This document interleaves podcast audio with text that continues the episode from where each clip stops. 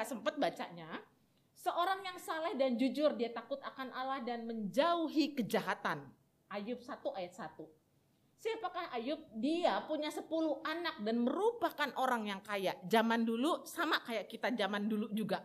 Banyak anak, banyak rezeki. Jadi nggak ada tuh orang-orang yang anaknya sedikit. Jadi itu indikator keberhasilan, indikator berkat Allah kepada Ayub. Ayub anaknya banyak dan dia kaya. Tetapi Allah mengizinkan setan merengkut harta serta keturunan Ayub bahkan mengizinkan setan menyerang badan jasmani Ayub.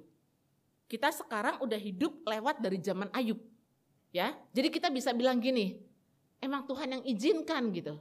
Tapi coba bayangkan kalau kisah Ayub nggak pernah ada dan kita jadi Ayubnya. Gitu ya, apa yang akan kita katakan pada Tuhan? Ayub berduka nggak? Ayub berduka, namun ia tidak menuduh Allah berbuat salah.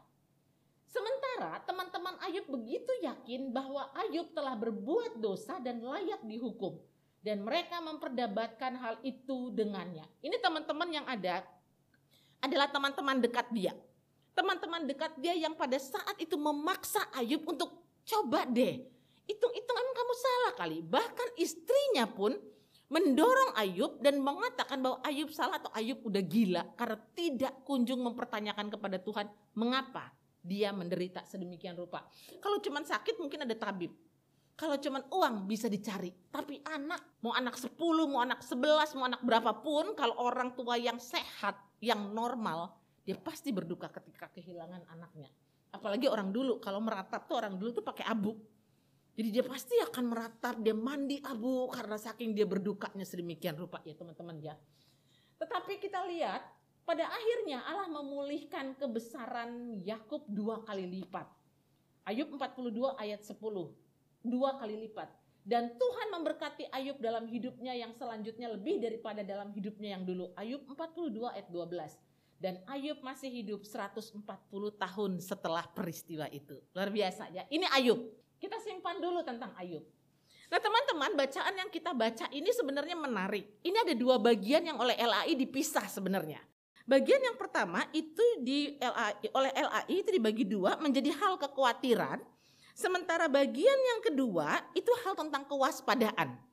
Jadi yang satu kekhawatiran, yang satunya lagi kewaspadaan sebenarnya ada kaitannya nggak? Bisa aja ada kegiatannya, kaitannya.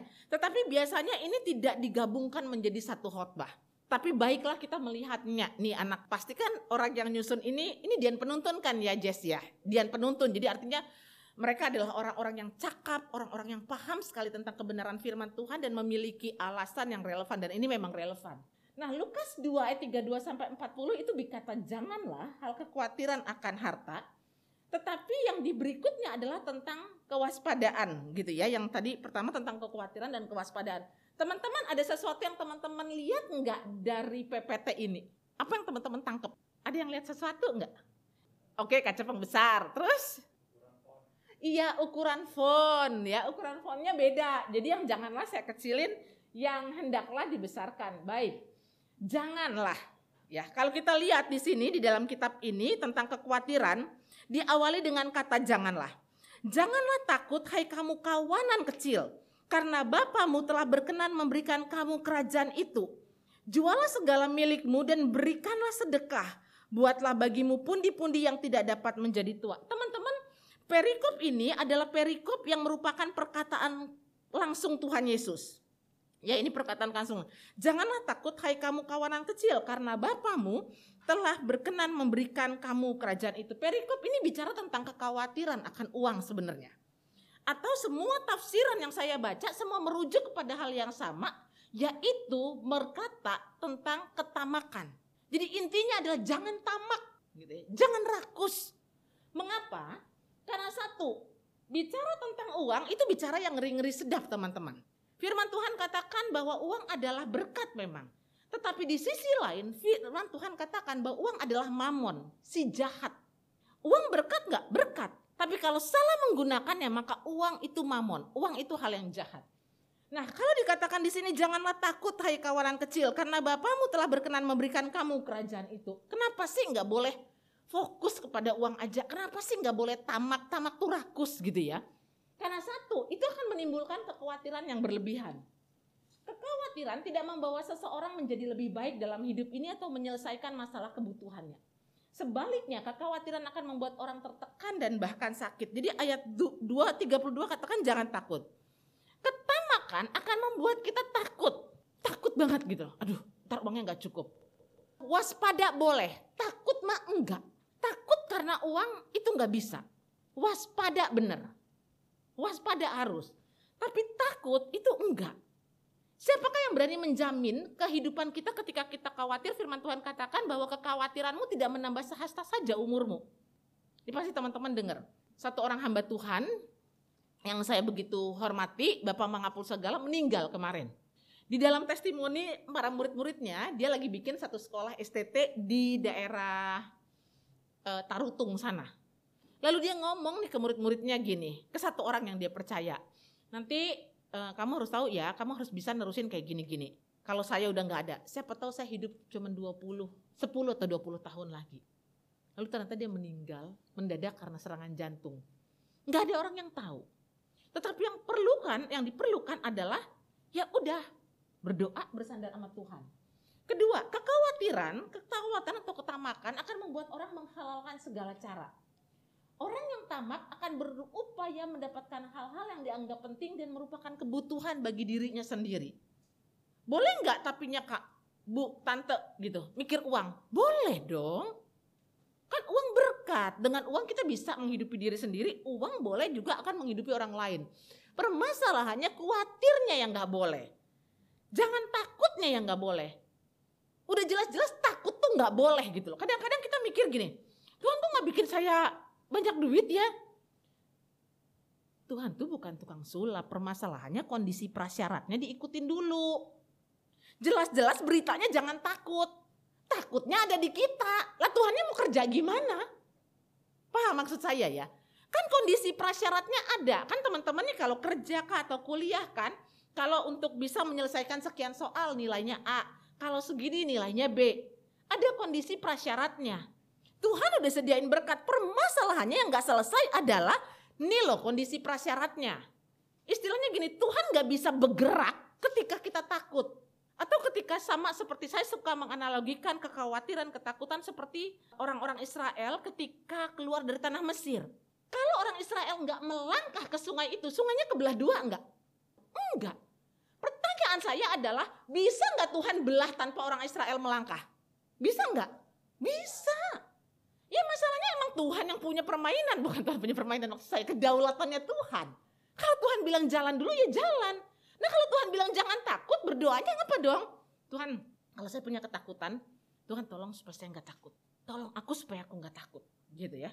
Kemudian yang kedua, ketamakan akan membuat kita berpusat pada diri sendiri. Hidup berpusat pada diri sendiri pada hakikatnya adalah menyangkal bahwa manusia butuh dan bergantung pada Allah. Fokusnya beda, gafok, gagal fokus. Kalau kita tamak akan uang, gagal fokus. Ketika orang serakah, ketika orang korupsi, percaya deh, itu nggak akan untuk berbagi. Tapi ada cerita kan Robin Hood gitu. Robin Hood saya pikir bukan orang, emang itu dongeng. Karena nggak ada orang nyolong buat orang lain. Kasih tahu saya contoh orang nyolong buat orang lain. Gaya Robin Hood, kasih tahu saya. Betul kali ada, tapi kita harus cek. Pasti bajakan ke dirinya sendiri. Saya nggak tahu seberapa jauh saudara coba untuk baca berita. Ada banyak sekali korupsi terjadi dengan berkontekskan amal.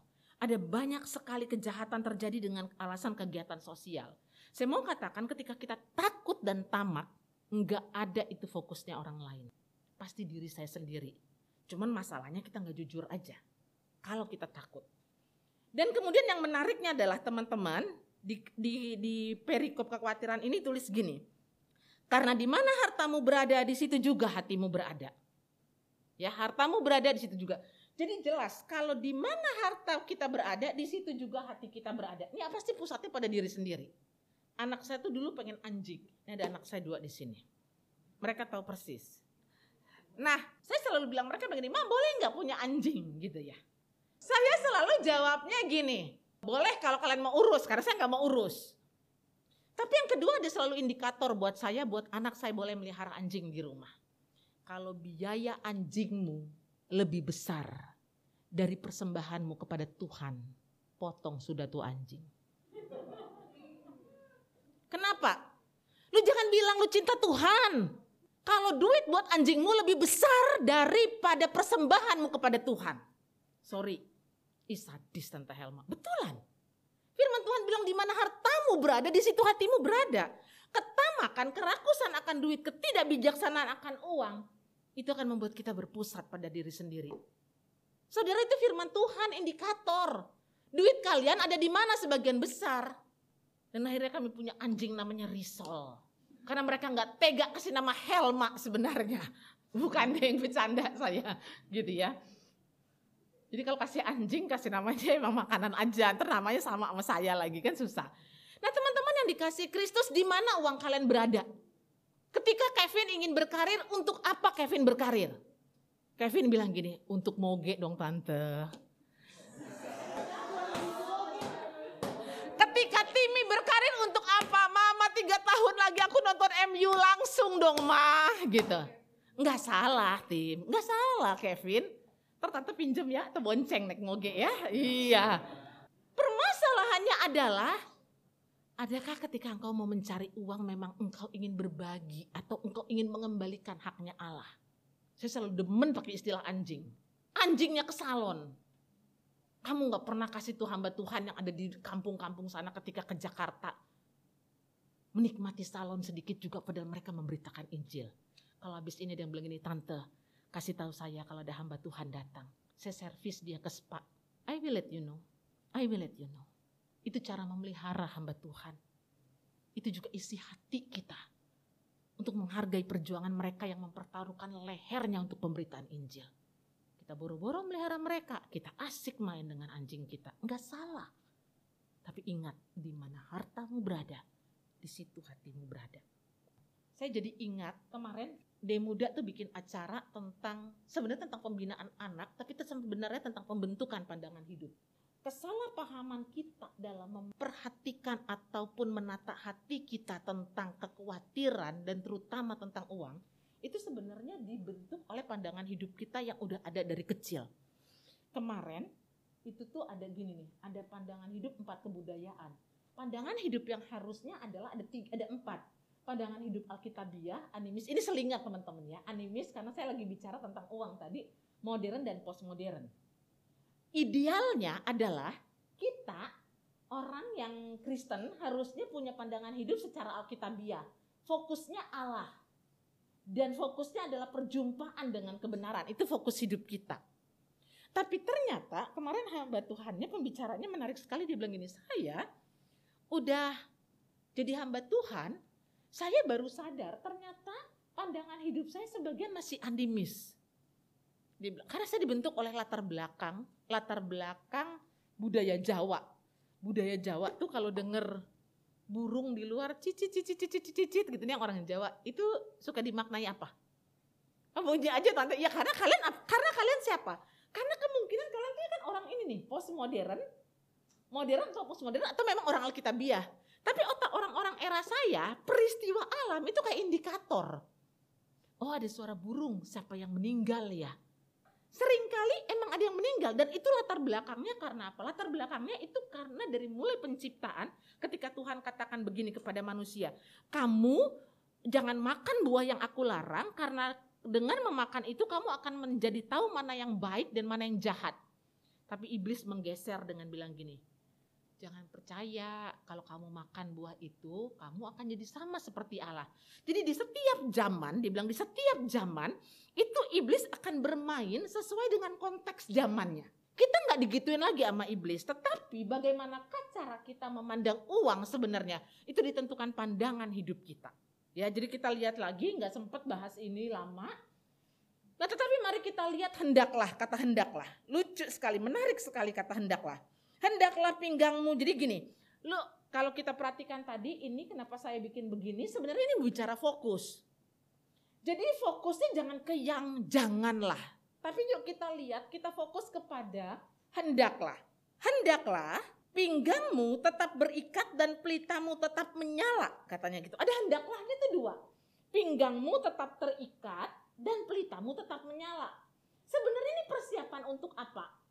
Jadi hamba para budak, jadi kan dulu tuh hamba ya namanya budak, itu dia pakainya tuh pakai kalau nggak pakai jubah, dia pakai baju kayak kain yang dililit-lilit. Dan kalau dia kerja supaya nggak melorot dan juga merupakan kesiapan kerja, maka pinggangnya harus diikat dengan keras. Kalau dia mau ngaso, mau duduk, kan nyesek ya. Kalau diikat keras, jadi dia kendorkan. Sehingga firman Tuhan katakan gini, hendaklah pinggangmu tetap terikat. Tetap dalam kondisi terikat dan pelitamu tetap menyala. Jadi lampunya nggak boleh mati. Ingat perumpamaan tentang lima gadis bodoh dan lima gadis bijak dan yang tidak bijak. Yang lima gadis bijak nggak bawa cadangan minyak. Itu kan bicara tentang kerajaan Tuhan. Jadi konteks tentang uang itu sangat lekat dengan konteks kesiapan kita menantikan kedatangan Tuhan yang kedua kali. Kita kan nggak seperti murid-murid Yesus yang nunggu turunnya Roh Kudus untuk pemberitaan Injil. Tapi kita bersiap untuk kedatangan Yesus yang kedua kali. Dan firman Tuhan katakan, hendaklah, ini loh posisinya standby. Posisinya siap. Pinggangmu tetap berikat dan pelitamu tetap menyala. Emang nggak boleh main dong, nggak boleh staycation dong, nggak boleh hangout, boleh. Mabok yang nggak boleh gitu ya kan? Ketawa deh mabok ya nggak boleh gitu. Stay hangoutnya boleh kok ada yang tengok-tengok kan saya lihat nih. Ngumpulnya boleh nggak? Ya boleh dong. Masa anak Tuhan cuman nggak ngapa-ngapain? Tapi ingat, dan sampai kalian lagi mabok, Tuhan datang. Siapa lu? Siapa lu? Siapa lu? Atau, ini kan kalian udah besar ya. Kalian sekarang boleh santai kayak gini. Jangan salah, ada banyak sekali ketika udah di dunia pekerjaan, kalau Timi bilang gini, no kalau anak-anak kurang gaul gitu. Dia serasa anak gaul banget kan gitu. Jadi begitu dilepas ke mana-mana liar dia bilang gitu. Kalian tahu dunia pekerjaan ada yang sangat jahat sekali. Ada sekali yang sangat jahat. Mereka bisa tawarkan kamu perempuan, mereka bisa tawarkan kamu uang. Saya cuma kepikir gini, lu lagi jahat kayak gitu Tuhan datang. Enggak usah gitu, ambil aja contoh lagi ngefly. Sama lah, mengajak gatot kaca ya gitu ya, padahal Tuhan gitu ya. Ketika orang-orang harus terangkat, itu sih ilustrasi saya tapi katakanlah nggak Tuhan datang mati. Enak yang mati. Tinggal pilihannya masuk seraka atau nggak surga. Siapa yang kasihan? Keluarga yang ditinggalkan, iya kan? Nah teman-teman, mungkin itu terlalu ekstrim. Tapi saya mau bilang ketika Tuhan bilang pinggangmu tetap terikat, nih loh, standby. Kerja-kerja yang baik. Jadi pengurus-pengurus yang baik. Jadi majelis-majelis yang baik. Gak usah batuk. Pakai ada yang batuk, pakai nengok lagi gitu ya. Lagi menuding diri kita sendiri gitu ya Bu Tati ya. Ini saya lagi remind Helma, oke okay, kalau jadi majelis-majelis yang baik, kalau disuruh khotbah persiapan yang baik, kalau lagi mau kayak gini, kayak gini. Kenapa? Saya nggak tahu. Tadi Tabita habis ini uh, presentasi, terus saya ketemu Gege gini, Gege, Mama umurnya udah 50 tahun ke atas, Mama masuk Tabita gitu. Oh iya masuk aja mah gitu.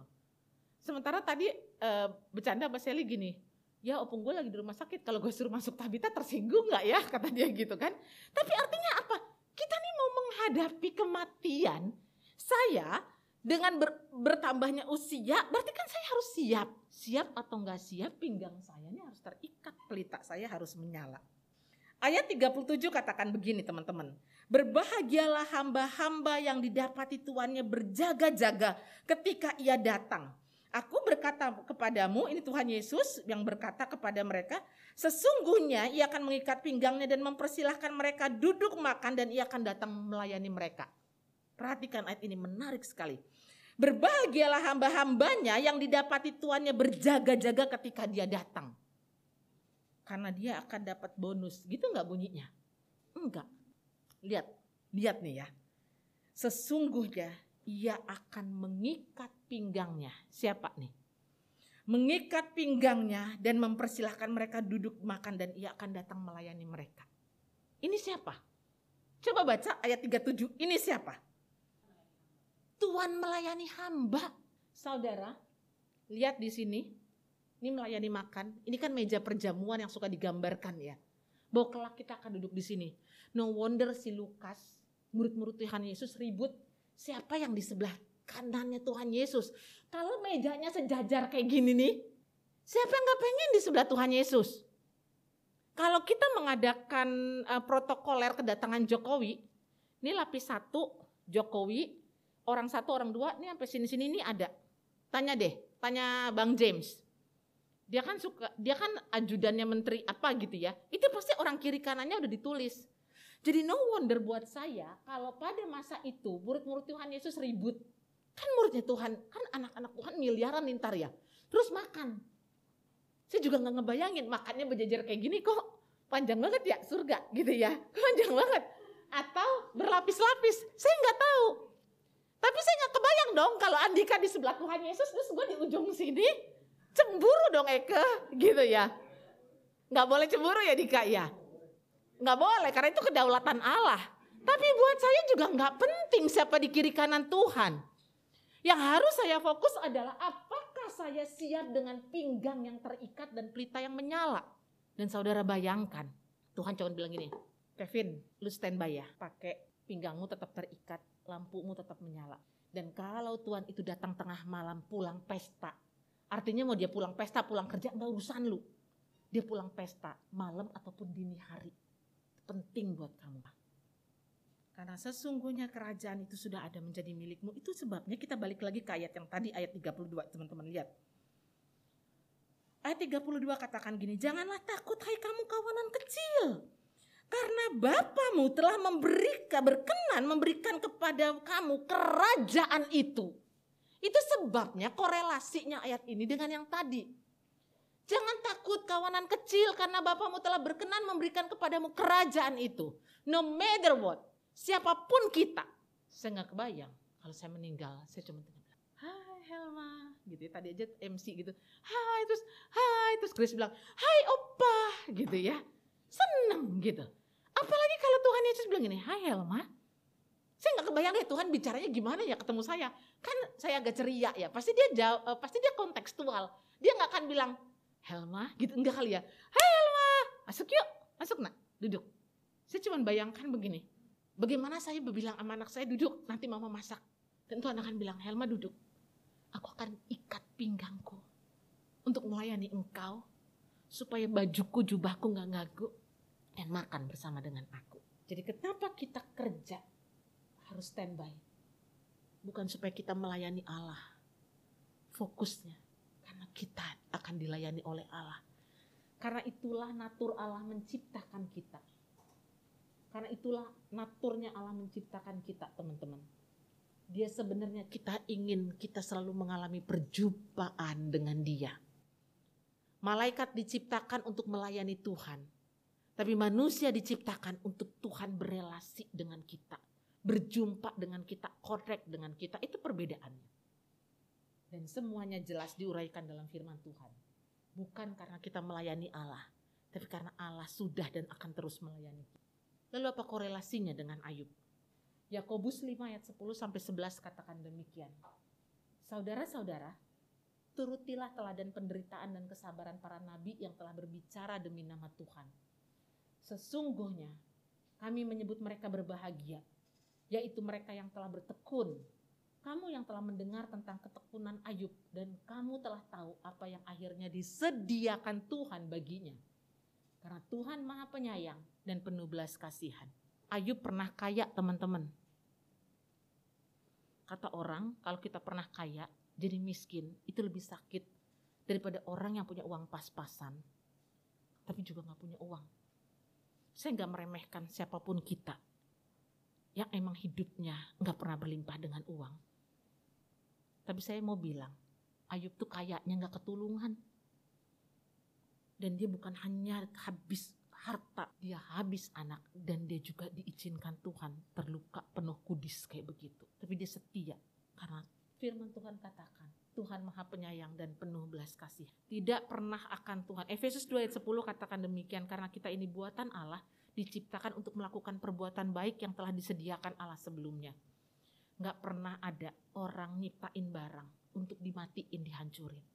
Gak akan ada ketika ada orang ingin menciptakan sebuah boneka ataupun juga kecuali dia psikopat, dia akan hancurkan dengan tangannya sendiri. Tapi orang yang benar, yang membuat keramik, yang membuat boneka, yang membuat apa pun juga, dia akan jaga supaya itu berfungsi optimal. Dia akan jaga supaya itu menjadi seperti apa yang dia mau. Anak-anak muda yang dikasih Kristus, ketika kita berkata bahwa kita ingin meneladani iman, beriman seperti Ayub, maka itulah yang terjadi. Itulah yang terjadi seperti Ayub. Fokus kepada standby-nya. Ingat, ikat pinggang, ingat lampu. Ingat untuk apa? Bukan karena kita karena kita melayani Allah, tapi kita akan dilayani oleh Dia. Dia sudah melayani kita.